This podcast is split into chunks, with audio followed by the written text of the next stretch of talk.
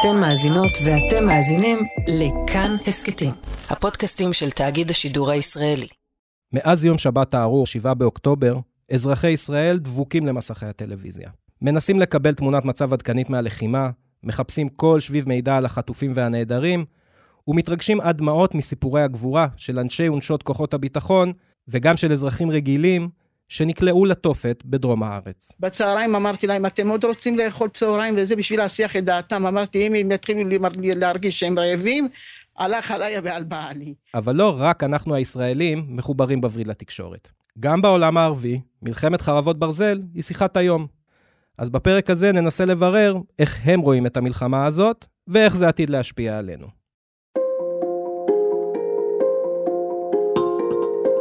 היי, אתם על עוד יום, הסכת האקטואליה של כאן, ואני יותם רוזנבלד.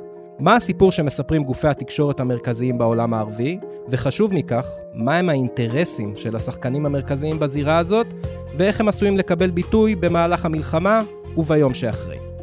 נשוחח עם שני מזרחנים בכירים, רועי קייס שלנו, ראש תחום העולם הערבי בכאן חדשות, ודוקטור מיכאל מילשטיין, ראש הפורום ללימודים פלסטינים ממרכז דיין באוניברסיטת תל אביב, וחוקר בכיר במכון למדיניות ואסטרטגיה באוניברסיטת רייכמן.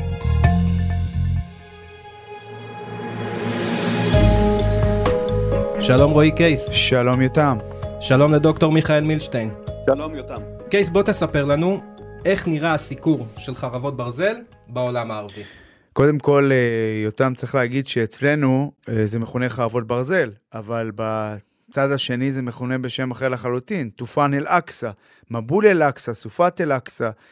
תראה, חשוב להבין, הסנטימנט הוא פרו-פלסטיני.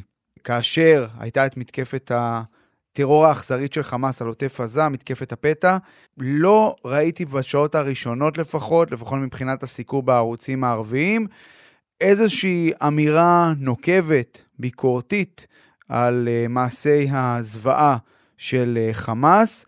ראית מה שנקרא יותר אפילו שמחה לאיד, אני חושב, uh, ברוב אולי אזורי החיוג uh, של הערוצים, uh, של הערוצים הערביים. כלומר, הראייה היא כיצד חמאס הצליח לעשות כזאת מתקפה מתחת לאף של ישראל, להפתיע אותה. היה אפשר לראות את זה היטב גם ב... העיתונים הערביים, ההשוואות האלה אה, למלחמת יום הכיפורים, הפתעת אוקטובר, 73, 2023, כל הדברים האלה. בסופו של דבר, יש פה שני מרכיבים. כלומר, מצד אחד באמת את מתקפת הפתע של חמאס, שכאמור, גם הפתיע רבים בעולם הערבי מבחינת העוצמה שלה, איך הצבא הבלתי מובס נתפס ככה עם ה... אני לא רוצה להגיד אה, דברים קשים, אבל נתפס עם המכנסיים למטה. ומהצד השני, החלה באמת המתקפה על רצועת עזה, התקפות של חיל האוויר על רצועת עזה, שככל שהן נהיות עוצמתיות יותר, ויוצאות יותר תמונות מרצועת עזה, והמספרים וכל הדברים האלה, מן הסתם הסנטימנט עוד יותר הופך להיות אה, פרו-פלסטיני, כאשר חשוב להגיד, אנחנו במבצע, במלחמה הזאת, יותם, לא ראינו כמעט אמירות רשמיות מצד מדינות ערב שאומרות הדברים האלה שעשו חמאס בעוטף עזה לא מקובלים עלינו. היו עמדות כן חשובות של האמירויות ובחריין, שכן גינו את חמאס על המעשים האלה, אבל חוץ מזה, אותם, לא ראינו כאלה דברים. ראינו בעיקר עמדות שמנסות מה שנקרא לעשות סימטריה, אה, מה, לה... ללכת בין הטיפות? ללכת בין הטיפות, לעשות סימטריה, כמו למשל, אם תרצה, העמדות של שר החוץ הסעודי, שאומר, אנחנו מתנגדים לכך שאזרחים יהוו מטרה.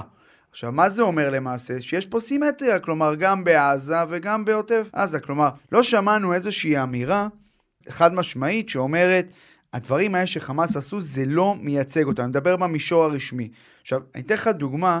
כאשר uh, שר החוץ הקטרי קיים, קיים מסיבת עיתונאים עם שר החוץ האמריקני, שהגיע כדי מה שנקרא לנסות לראות איך קטאר וארצות הברית יכולות לשתף פעולה, אז פתאום ערוץ אל-ג'זירה הקטרי, שמהווה היום את הפלטפורמה המשמעותית ביותר של ארגון חמאס, גם כדי להלבין, אם תרצה, את המתקפה ולהראות שחמאס לא התכוון, מוציא ציטוט ב breaking news, ששר החוץ הקטרי אמר במסיבת העיתונאים, שלישראל יש את הזכות והחובה להגן על עצמה ולהבטיח שמה שקרה ביום שבת לא יקרה. יש לו עוד עבודה לבחור הזה, לשר החוץ הקטרי? אז קודם כל כן, למי שכנראה לא יהיה לו עבודה, למי שיכניס את ה-breaking news הזה, למה?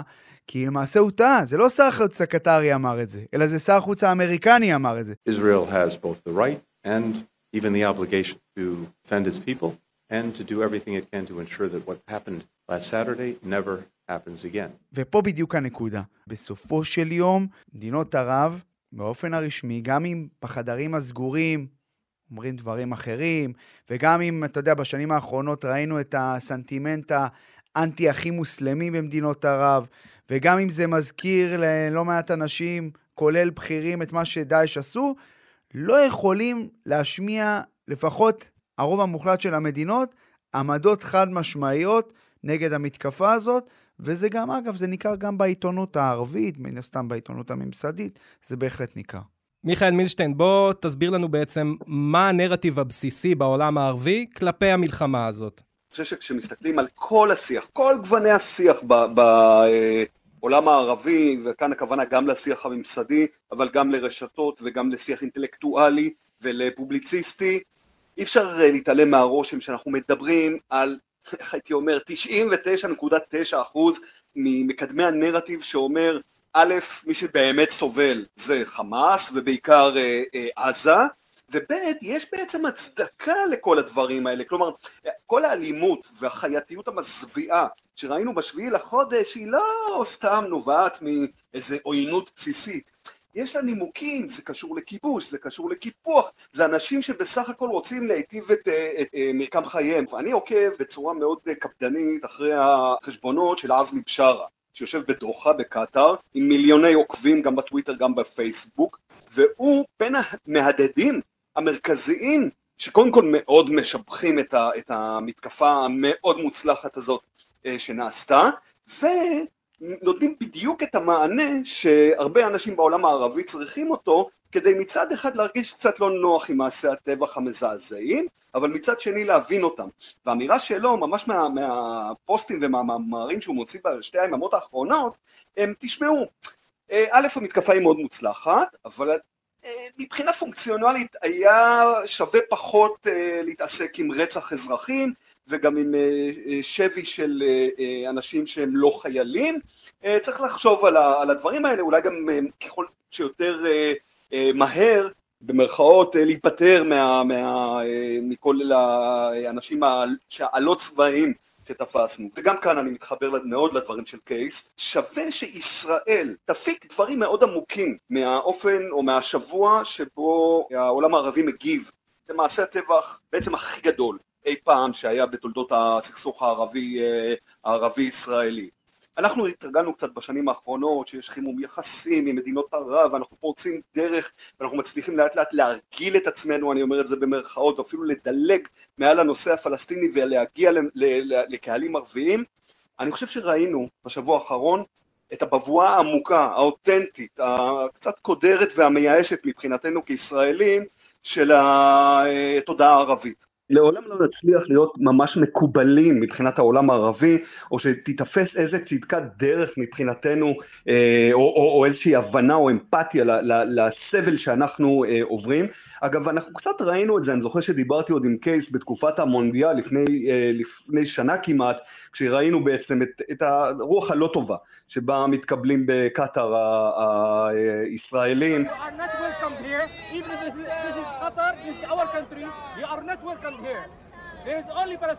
וקצת מגלים משהו על, על זרמי העומק בחברה, בעולם הערבי, אז גם כאן מהרבה בחינות, א', גילינו את המוגבלות המאוד קשה של המשטרים הערביים, להגיד משהו שנראה כמו הזדהות, אה, ובאמת אה, האיחוד האמירויות, אגב גם בהודעה שהיא ככה משתדלת להיות מאוזנת, היה אה, הכי, הכי מרחיק לכת בהתבטאות, אבל בעיקר בעיקר בעיקר להבין את רוחו של, ה, של העולם הערבי, של הרחוב הערבי. ייקח עוד הרבה זמן אם בכלל, עד שבאמת יהיו אמירות שבמסגרתם אה, נטען שדברים כמו אלה שהיו לדוגמה ביום שבת הם פשוט פשעי מלחמה מזעזעים שאי אפשר לנמק אותם, אי אפשר להסביר אותם בכיבוש וקיפוח אלא פשוט לדבר עליהם בתור מעשים שלא יעשו לצד כל הבעיות האחרות שקיימות בין ישראל לעולם הערבי.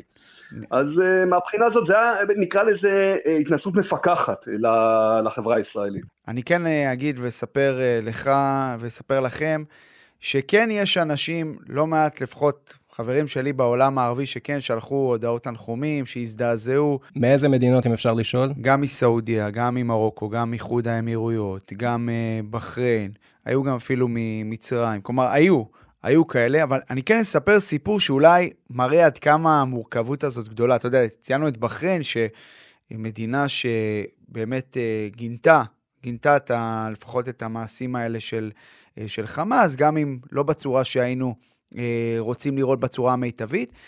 אני לפני כמה ימים שידרתי קטע של סרטון של בחור בחרייני בשם שאהין אל-ג'נייד. للأسف الشديد اللي قاعدة تقوم فيه حماس إرهاب وتشويه لصورة الإسلام والمسلمين שהוא למעשה יוצא בחריפות נגד המעשים של חמאס, אומר צריך להתנער מזה, זה נגד האסלאם, זה עושה לנו נזק כמוסלמים, דברים שבאמת משקפים אולי דעת מיעוט של אנשים שבאמת סבורים שהדברים האלה לא יכולים להתקבל. כלומר, כשהם, הדברים האלה, הם, מתכו... הם מתכתבים עם מעשים כמו של דאעש. בסוף שבוע האחרון הוא מספר לי שהוא נאלץ לפרסם איזושהי התנצלות, ולהגיד שהוא כאילו עדיין תומך בסוגיה הפלסטינית, כיוון שמה שנקרא, לא כל כך אהבו את הדברים האלה שהוא אמר, כולל המשפחה שלו שהתנערה ממנו, פרסמה הודעה שהיא מתנערת ממנו. וזה מלמד אותנו על המורכבות ועל האתגר שניצבים לפניו גם אנשים בעולם הערבי, שכן מזדעזעים מהדברים האלה, ויש אנשים כאלה במקומות שונים ומשונים בעולם הערבי. בסופו של דבר הנרטיב, גם בכלי התקשורת הערבים וגם הנרטיב הממסדי, מן הסתם, הוא נוטה לצד הפלסטיני, ובטח ככל שהמלחמה הזאת מעמיקה, והמטוטלת עוברת לסיפור של עזה, הסיפור של מה שהם מכנים כבר גירוש של מאות אלפי בני אדם מהבתים שלהם, ההרג, התקיפות של צה"ל, התמונות שיוצאות.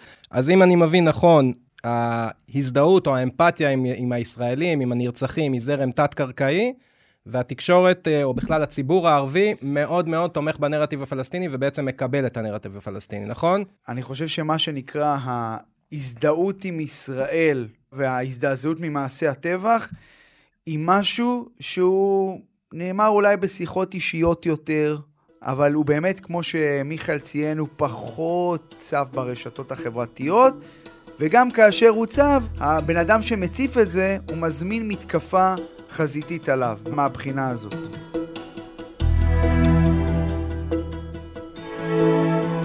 הבנו בעצם שהנרטיב שיוצא החוצה לאנשים בסיביליזציה המוסלמית ובעיקר הנרטיב המוסלמי, אבל מי השחקניות שמעצבות את הנרטיב הזה ובאילו כלי תקשורת הן מעבירות אותו לציבור? כן, אנחנו בעצם מדברים יותם על מה שנקרא הסוכנים שגם מעצבים וגם מתווכים בסוף את, ה, את הנרטיב, וכאן אני חייב להגיד, לרוב הסוכנים האלה שאנחנו עכשיו נמנה אותם, אין עבודה יותר מדי קשה, כלומר הם לא צריכים לקחת ציבור מעמדה א' ולהעביר אותו לעמדה ב', לרוב זה ניגון על אה, נימי, אה, נימי תודעה כבר מאוד מאוד מוכרים, כלומר בדיוק כמו שציינו מקודם, הזדהות כמעט מלאה עם קורבנות פלסטינית והטלת אה, אשמה מוחלטת על הצד הישראלי, וכאן אנחנו מדברים על כמה למעשה אה, סוכנים. יש את המשפחה משפחה שנקרא לה הסוכנים הממשליים או הממסדיים, וכאן אנחנו בעיקר מדברים על, קודם כל על, ה, על הפיגורות עצמם, על אה, אנשים כמו שרי הסברה או שרי חוץ, או, או בכירים נגיד בליגה הערבית, שהם סוג של מהדהדים של הנרטיב שאנחנו מדברים עליו, ואני חושב שקייס העלה לפני יומיים תמונה של בניין הליגה הערבית בקהיר, מטה הליגה הערבית בקהיר, צבוע כולו ב, בלילה באורות אה, דגל פלסטין, בתור באמת הביטוי למה חושב הממסד. אה, לצד אה, עיתונות, תקשורת, מדיה על כל גווניה, שעוד פעם, אנחנו, גם אני וגם רועי, חורשים את המדיה בעולם הערבי, בין אם זה רדיו, טלוויזיה, עיתונות כתובה, אתה לא מוצא איזה באמת קולות אחרים ב, ב, בשיח הזה. אבל כמובן מה שמעניין זה לא רק המימדים אה, של השיח הממסדי, אלא גם מה שקורה בשיח, אה, בשיח הלא פורמלי, שזה בעיקר שיח הרשתות החברתיות המאוד מאוד מאוד פורה בעולם הערבי, ושם כמעט הייתי אומר, כמה שדיברנו על איזה סוג של נרטיב אה, די מייאש מהכיוון, מהכיוון של הממסדים, במרחב של, של הרשתות החברתיות בכלל מוסרים כל הרסנים. ושם בכלל, קודם כל אתה רואה גם אה, תמונות אה, אה, שלפעמים הגורמים הממסדיים קצת מנסים להצניע, כי הם מאוד לא, לא משרתות את הנרטיבים הבסיסיים שקודמים, ושם אתה גם רואה את ההשתבחות וההתגאות במהלכים של חמאס, גם אם זה קשור לפשעי מלחמה אכזריים. אני חושב שהסיכום של כל הדברים האלה, פלוס עוד דבר אחד מרכזי, שהוא בעיניי, אתה יודע, הוא, הוא כמעט הייתי אומר, אחד הדברים המתחייבים בשלב הזה, וזה השיח הדתי, כלומר שיח של אנשי דת, שגם בו אתה כמעט ולא מוצא היום, בעצם אתה לא מוצא בכלל, איש דת בכיר שעולה ואומר, זה ממש מנוגד לכל ערכי האסלאם. אני כבר לא מדבר על, אה, על פשעים סתם, אלא אמירה שזה לא אסלאם, זה, זה דבר שבאמת אה, הוא דאעשנה, הוא, הוא דומה לדאעש.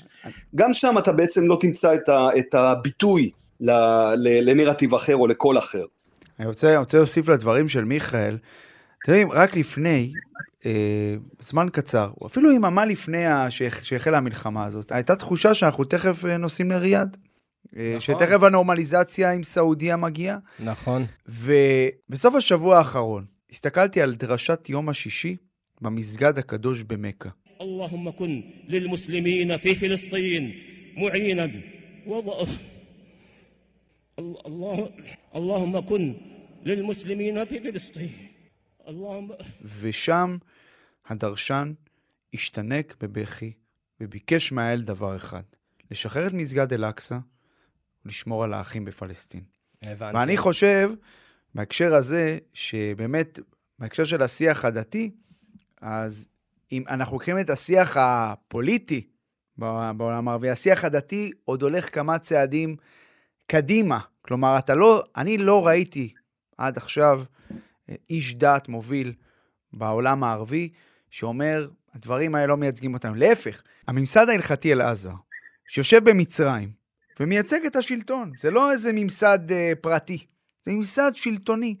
הוא בימים האחרונים, מי שעוקב אחר החשבונות שלו ברשתות החברתיות, מפרסם הודעות תמיכה בפלסטינים, מפרסם הודעות תמיכה במעשים, מפרסם הודעות תמיכה, אה, גם אפילו בחמאס אפשר להגיד, גם אם הוא לא אומר את זה שחור על גבי לבן, אבל למעשה הקורבנות היא רק נמצאת בצד השני. כלומר, היא לא נמצאת בצד, בצד, בצד הישראלי. קורבנות בעצם לא לפי ערכים אוניברסליים מסוימים, אלא קורבנות מפוזיציה. אני חושב שבסופו של דבר, יש פה גם אה, איזושהי, לא יודע אם קריאת השכמה, אבל יש פה כאילו אמירה משמעותית.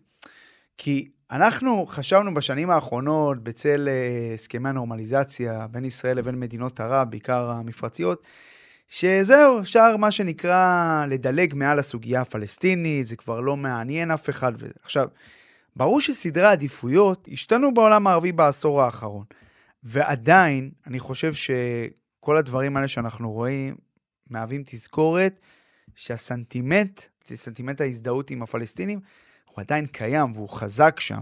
כלומר, זה לא משהו שהוא הולך לשום מקום, ולראיה, שאנחנו באמת לא רואים יותר מדי מדינות, אני מדבר איתך בזמן קצר אחרי מעשי, מעשי הטבח והזוועות, מתייצבות לצידה של ישראל, אני מדבר על מדינות, מדינות ערביות.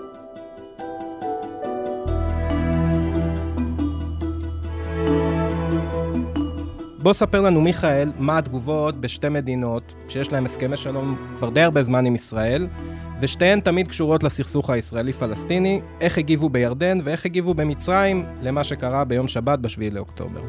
יותם, שמת את האצבע על שתי השחקניות הערביות, שקודם כל, כמו שאתה ציינת, יש להם את הזיקה הכי אדוקה לנושא הפלסטיני, יש להם, במקרה של ירדן, גם המון פלסטינים שגרים שם, ושבראייה ישראלית, הכי חשוב לשים עין על מה קורה איתם, כי יש למה שיקרה איתם השלכה ישירה על היחסים ובכלל על, על המעמד של ישראל.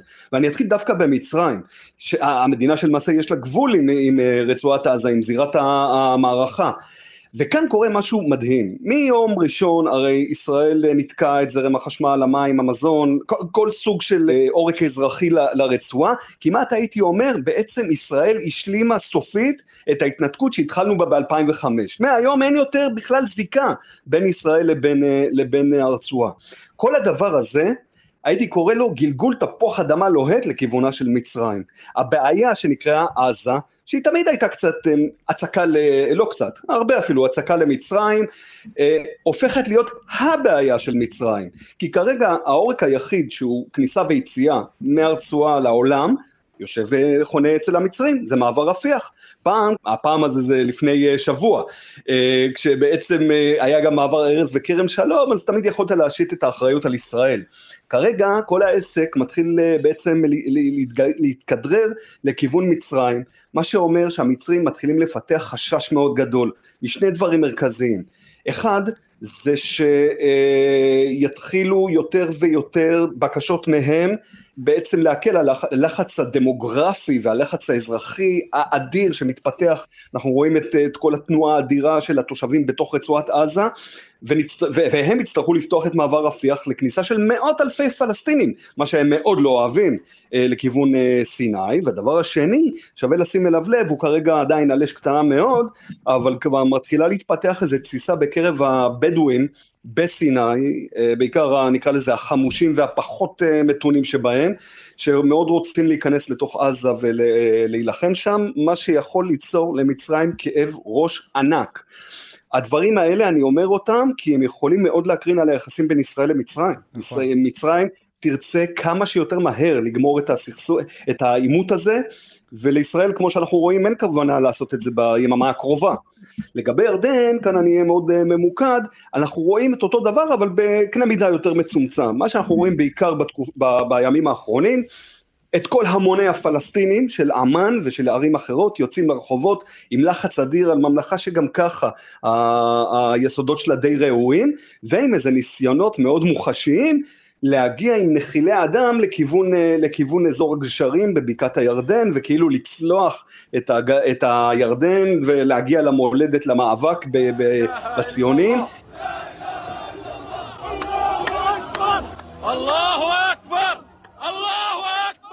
אירועים שמאוד מאוד מדאיגים את המלך, כמו המצרים, גם להם, לירדנים, יש רצון לגמור מהר את האירוע הזה, לפני שהוא מתחיל להקרין עמוקות על מה שקורה בתוך המדינה ולהשפיע על היציבות שלה. ופה, בנקודה הזאת, ישראל באמת צריכה לחשוב טוב טוב אה, מה עושים. כלומר, לא יכול להיות שרק יסתכלו על מה שקורה בעזה, כיוון שגם עם מצרים, גם עם ירדן, יש גבולות משמעותיים מאוד, ואם אה, אכן תפוח אדמה הלוהט הזה יהפוך לאפילו משבר ביחסים בינינו לבין המצרים לבין הירדנים, זה עלול גם להקרין על מה שיהיה בגבול. כלומר, זה יכול להתפתח פה לאירוע שאנחנו... מה, אפילו... אירועי פח"ע בגבולות, דברים שלא היינו רגילים אליהם? זה יכול להיות אירועי פח"ע, אנשים ש... תראה, ראינו בסוף, בסוף השבוע האחרון כיצד הירדנים, כוחות הביטחון נערכו ומנעו מאנשים, מהמוני בני אדם, להגיע לגבול.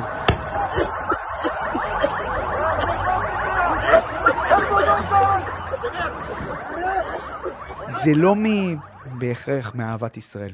זה בסופו של דבר כי מלך ירדן עבדאללה השני יודע שאם הוא לא ישלוט בגובה הלהבות, זה יכול בסוף מה שנקרא לשרוף את שולי גלימתו, במובן האמיתי של המילה. כי בסופו של דבר, כמו שמיכאל ציין פה, האנשים האלה שבאים, זה פלסטינים, זה תומכי אחים מוסלמים. כלומר, עכשיו פתאום כולם מרימים את הראש. וזה דבר שמטריד מאוד את הירדנים, בסופו של דבר מבחינת היציבות השלטונית של בית המלוכה האשמי. באשר למצרים, הסיוט הכי גדול של נשיא מצרים עבד אל פתאח א-סיסי, הוא אפשרות שאנחנו נראה מאות אלפי בני אדם מעזה מתדפקים על הגבול שלו, רוצים להגיע לשם, ואז הוא יצטרך ליישב אותם בחצי האי סיני, זה הסיוט הכי גדול שלו. ולכן המצרים בימים האחרונים הם מה שנקרא מחריפים את הטון גם כלפי ישראל. צריך לשים לב לדבר הזה, כי בסופו של דבר, המצרים מבינים שהבעיה העזתית, הסוגיה העזתית, שהם תמיד מנסים, מה שנקרא, לפתור אותה בתוך עזה, יכולה להגיע למצב שהיא תגלוש כבר מחוץ לגבולות עזה, והם הגורם היחידי שלמעשה יכול לשאת באחריות, כיוון שהם גובלים עם עזה. ולכן מה המצרים עושים? הם עכשיו מציעים, אוקיי, אנחנו רוצים להכניס סיוע הומניטרית, אבל זה יהיה רק בחד צדדי, כלומר נתיב חד צדדי. אנחנו לא רוצים הרי לפתוח את זה ש, שהפלסטינים יבואו אלינו. Mm. זה, זה, בדיוק, זה בדיוק הסיפור עכשיו, זה הסיפור הגדול, וישראל פה נמצאת גם באירוע שהיא צריכה לקבל פה החלטות אה, לא פשוטות בהקשר הזה, כי זה החלטות שיכולות להשפיע לחלוטין גם על עתיד היחסים עם מצרים, שאומנם יש המון אינטרסים ביטחוניים, אה, מדיניים, אה, אנחנו סייענו להם בחצי סיני נגד דאעש, לפי פרסומים זרים, או לא לפי פרסומים זרים, אבל בכל מקרה, יש פה, כמו שמיכאל הגדיר את זה, תפוח אדמה לוהט, שאני חושב שמקבלי ההחלטות חייבים אה, לתת לו תשומת לב. בעצם מה שאנחנו אומרים כאן, רועי, זה שכל ההתפתחויות שחלו בשבוע האחרון, והתחילו בתור איזה עימות ישראלי-פלסטיני, עימות ישראלי-חמאס, הופך לאט לאט לאיזה אירוע אזורי. כלומר, זה כבר מתחיל לחרוג הרבה מעבר למימדים של עזה. זה אירוע נכון. שמתחיל להשפיע על היציבות של המשטרים. ואתה יודע מה, ברגע שאנחנו כבר רואים את האמריקאים עם נושאות המטוסים שלהם, נעים לכיוון ביירות, זה אפילו עם, עם מימדים בינלאומיים. יכול להיות, ואני אומר את זה בזהירות, שיש כאן אירוע עם פוטנציאל לשינוי או להקרנה, או אולי אפילו לעיצוב של המזרח התיכון בהיקפים הרבה יותר רחבים. אז אין ואקום במזרח התיכון והכל משפיע על הכל, אבל בשביעי לעשירי קרסו מספר קונספציות ביטחוניות בצורה מאוד אלימה, שגבתה מאיתנו הישראלים מחיר כבד. אבל יש קונספציה אחת, קונספציה דיפלומטית מדינית, לפיה קטאר היא הגורם המתווך בין ישראל לחמאס. ובעצם מה שאני רוצה לשאול אתכם זה האם גם הקונספציה הזאת עומדת בפני קריסה, ואולי קטאר זה לא מדינה שאפשר לסמוך עליה.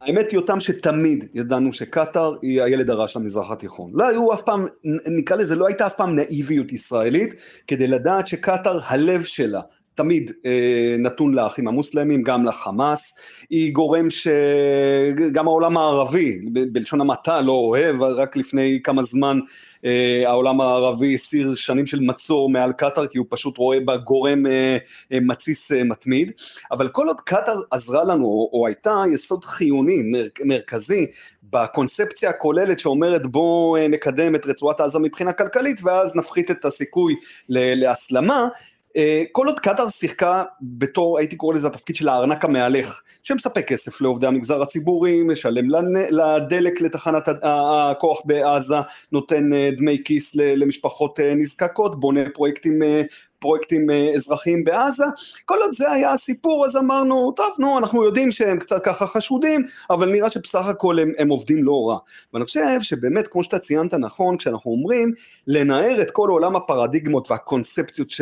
היו ברובן שגויות לגמרי והתנפצו לנו בשביעי לאוקטובר, אנחנו נצטרך גם להסתכל מחדש על הסיפור של קטאר. קודם כל בשבוע האחרון ברור לגמרי שקטאר היא לא מתווך, קטאר היא תומך חמאס מובהק. אל-ג'זירה בעצם נותנת שירותיו באופן מלא לחמאס ולנרטיב הפלסטיני. אה, אני מזכיר לכולם, הנהגת חמאס כרגע, ברגעים אלה ומאז תחילת המבצע, בעצם עובדת מדוחה. ואנחנו מדברים כאן גם על ארורי, גם על הנייה וגם על משעל, שפשוט מנהלים משם את, ה, את האסטרטגיה של, ה, של המערכה. וכמובן שאין שום אה, ביטויי סימפתיה או כל דבר שמזכיר אה, הבנה או גינוי אה, לטבח הנורא שהיה כאן בשבת שעברה מכיוון הקטרים. אני חושב שביום שאחרי כשאנחנו נבין שכל הסיפור הזה של כלכלה שמצליחה לכופף אידיאולוגיה ממש לא עובד עם גורמים כמו חמאס, אנחנו גם נעשה חשבון נפש האם ניתן לקטאר עוד פעם דריסת רגל בעזה, והאם לא הכנסנו כאן בעצם איזה סוג של צפע לסיפור הזה. אני כן חושב ששווה שכבר היום נתחיל אה, לחשוב על חלופות, לדוגמה אה, בדמות אה, אולי סעודיה, אולי איחוד האמירויות, אני אומר אולי כי אני מאוד מהוסס, זה גורמים שמאוד עוינים את החמאס, מאוד לא אוהבים בכלל אחים מוסלמים, אבל שווה אולי יהיה לראות אם uh, אנחנו נדבר בעוד uh, פרק זמן של מספר שבועות או חודשים על עזה שבה יש פחות חמאס או אולי אין חמאס, יכול להיות שנצליח להכניס את הגורמים האלה בתור גורמים משפיעים ובטח לא להחזיר עוד פעם את השחקן הכל כך שלילי הזה שנקרא קטאר.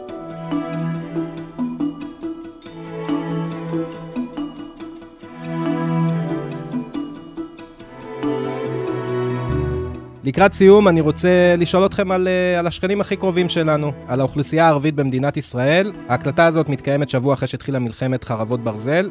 החברה הערבית בארץ בינתיים לא היו בה גילויי אלימות כלפי יהודים, לא היה בה יותר מדי בלאגן, היא נשארת מאוד רגועה. גם הם רואים אל-ג'זירה, גם הם רואים אל-ערבייה, אל-מיאדין, כל הערוצים האלה. אני מאוד רוצה שתסבירו לי איך זה קרה. תראה, אנחנו בעצם ניצבים שבוע אחרי האירוע הכי אלים שהיה אי פעם בכל מה שנוגע לעימות הישראלי-פלסטיני במקטעי זמן ממוקדים, ממש יממה, אה, יממה אה, שתיים. ולמרות אותו שבוע מטלטל, אנחנו לא ניצבים בפני אחד התרחישים הכי חמורים שדיברו איתנו לפחות בשנתיים וחצי האחרונות, שזה חזרת אירועי שומר החומות. אני מזכיר כאן, שומר החומות, האירוע ממאי 2021, היה בעצם הפעם הכי עזה שבה חמאס מתוך עזה הצליח להשפיע על החברה הערבית בישראל, למעשה להתסיס אותה ולהביא להתפרצות הכי עזה שהייתה אי פעם בין האוכלוסייה הערבית בישראל לאוכלוסייה היהודית ולמנגנוני השלטון.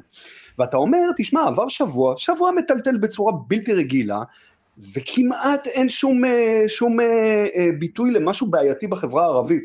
ואני חושב שאפשר לש... לייחס את ההסבר למצב הזה לשני דברים.